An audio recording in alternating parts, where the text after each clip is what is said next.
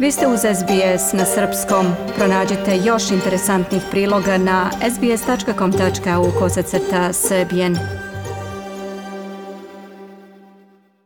Tokom prethodnog dana još sedmoro ljudi preminulo je u Srbiji od virusa korona, čime je ukupan broj žrtava u državi dostigao 58. Do juče popodne testirano je ukupno 8552 osobe, a pozitivan test registrovan je kod 2220 ljudi koji su ispunjavali uslove za testiranje.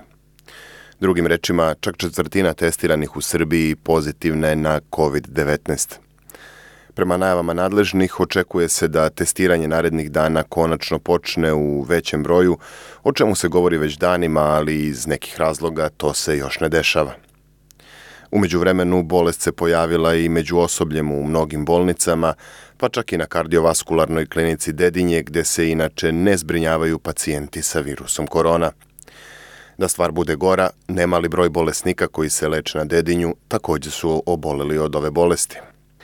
Ali najpre da čujemo od koleginice Mije Nikolić kakav je zvanični bilans u Srbiji u poslednja 24 sata. Broj zaraženih koronavirusom u Srbiji do ponedeljka 6. aprila dostigao je 2220, a broj preminulih popeo se na 58.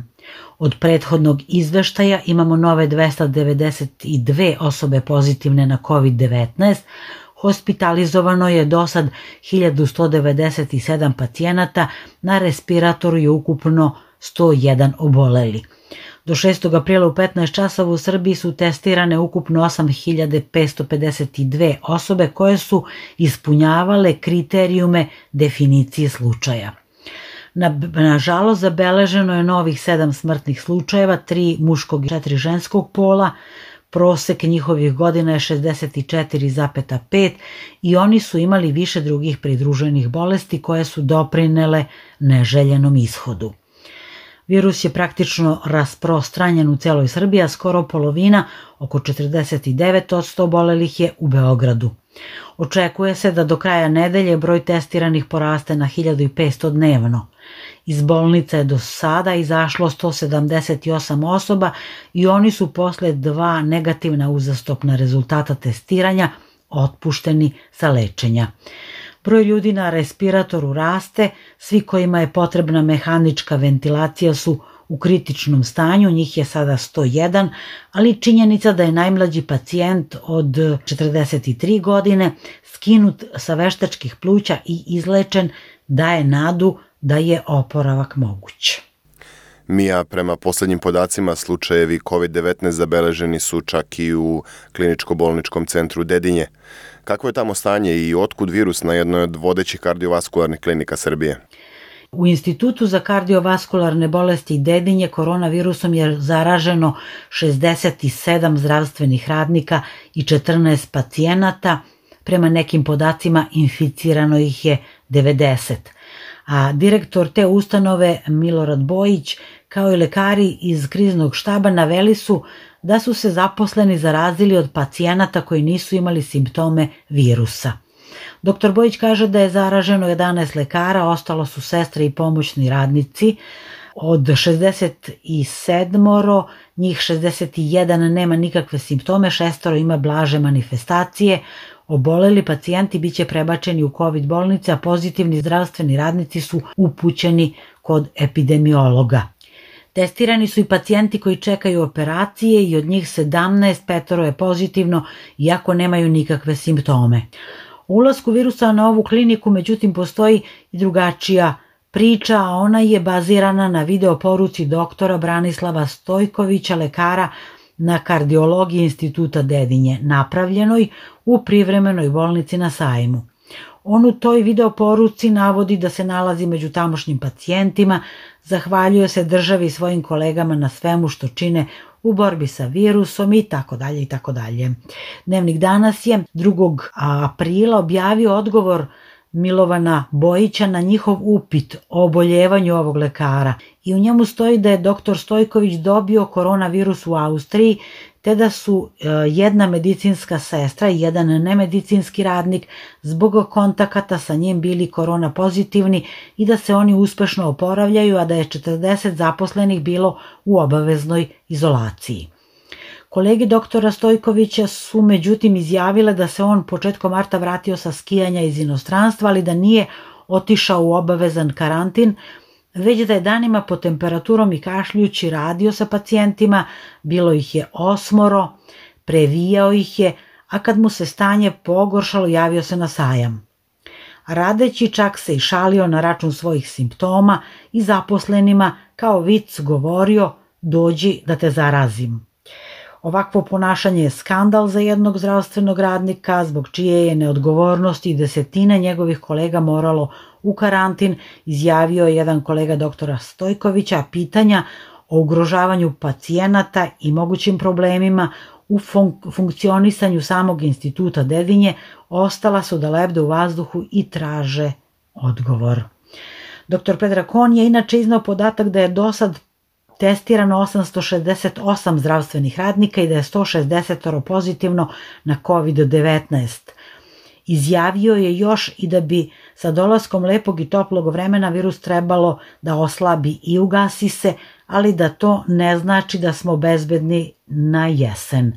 Ako COVID preživi leto i ako počne e, da mu se vraća potencijal, ne znamo šta će biti, rekao je. U kojoj meri su građani disciplinovani i da li je potpuna zabrana kretanja tokom prethodnog vikenda dala očekivane rezultate? Procenat neodgovornih građana u poslednje dve nedelje opada, tvrdi epidemiolog Branislav Tiodorović, a zamenik gradonačelnika Beograda Goran Vesić navodi da 90, 90 i nešto odsto građana poštoje sve mere uvedene zbog epidemije koronavirusa. No 4, 5, 6 procenata ljudi ništa ne poštuju, isprdaju se i zbog njih se i uvode rigoroznije zabrane kretanja, naveo je. Predsednik Vučić je tokom posete Novom pazaru, gde je situacija poslednjih dana postala alarmantna, izjavio da su penzioneri najdisciplinovaniji, najodgovorniji, ali i najugroženiji, no da i dalje ima ljudi koji šetaju, roštiljaju, rekreiraju se i ugrožavaju onu odgovornu i disciplinovanu većinu. Ministar unutrašnjih poslova Nebojša Stefanović izjavio da je tokom poslednjeg vikenda između 600 i 700 osoba širom Srbije kažnjeno zbog kršenja produženog policijskog časa, da su svi oni dobili prekršajne prijave, a da se prekršiocima mere samoizolacije pišu krivične prijave. Ministar je apelovao na sve građane da ne otežavaju posao policajcima i ponovio da je virusom korona inficiran 31 pripadnik MUPA, jedan je preminuo, a oko 900 pripadnika tog resora je u izolaciji. Portal B92 je preneo da su tri nedelje nakon uvođenja vanrednog stanja broj pritvorenih zbog kršenja mera samoizolacije da više nije u porastu i da trenutno iznosi 139. Na teret im se stavlja krivično delo nepostupanja po zdravstvenim propisima u vreme epidemije, izjavio je ministar, a prenosi B92 i dodaje da ih sve čekaju suđenja putem Skype-a između suda i pritvorskih jedinica u koje su smešteni, a to su Požarevac, Pirot i Vršac. Prve presude i kazne su već izrečene, nekima je presuđen zatvor i produženje pritvora, a nekima uslovne ili novčane kazne uz ukidanje pritvora, a sa onima koji su priznali krivicu napravljen je sporazum i sud im je izrekao pravosnažne presude, tako da je kad se oni uračunaju broj prekršilaca, samoizolacije znatno veći. Na prvim suđenjima preko Skype-a muškarac iz Niša pritvoren u Dimitrovgradu osuđen je na tri godine zatvora, a u Požarevcu su izrečene dve presude na dve i dve i po godine. Studio. Mija, kakva su reagovanja javnosti i pravnika na ova Skype suđenja? I pravnici pojedinačno, ali i Advokatska komora Srbije izražavaju protivljenje uvođenju suđenja putem videolinka i Skype procese ocenjuju kao procesne mogućnosti koje nisu predviđene zakonom i koje predstavljaju drastično kršenje prava okrivljenog na pravično suđenje. Komora podsjeća da je ovaj institut uveden u naše krivično procesno zakonodavstvo jednim dopisom Ministarstva pravde sudovima, ali da taj dopis ne može predstavljati valjan osnov za njegovo sprovođenje. Podseća da takve mere moraju biti donete u zakonitoj proceduri propisanoj Ustavom i od strane nadležnih organa. Kad Narodna skupština nije u mogućnosti da se sastane, mere kojima se odstupa od ljudskih i manjinskih prava može propisati vlada uredbom uz supotpis predsjednika Republike, ali se one moraju podneti na potvrdu Narodnoj skupštini čim ona bude u mogućnosti da se sastane. U suprotno mere prestaju da važe 24 sata od početka prve sednice Narodne skupštine održane po proglašenju vanrednog stanja. Advokatska komora Srbije navodi da je neophodno da vlada donese odgovarajuću uredbu u skladu sa navedenim ustavnim odredbama i saopštila da deli zabrinutost građana e, Srbije povodom novonastale situacije. Advokat Vladimir Todorić navodi da je vlast nezakonitim Skype suđenjima probila led i da se ovim na mala vrata pravi preki sud u našem zakonodavstvu, a sa ciljem da se utera strah građanima. Todorić kaže da su pomenuta Skype suđenja nezakonita po svim osnovama i da donešene pre, e, presude moraju biti poništene od strane viših sudova. I postavlja pitanje zašto se tim okrivljenim ljudima sudi preko videolinka.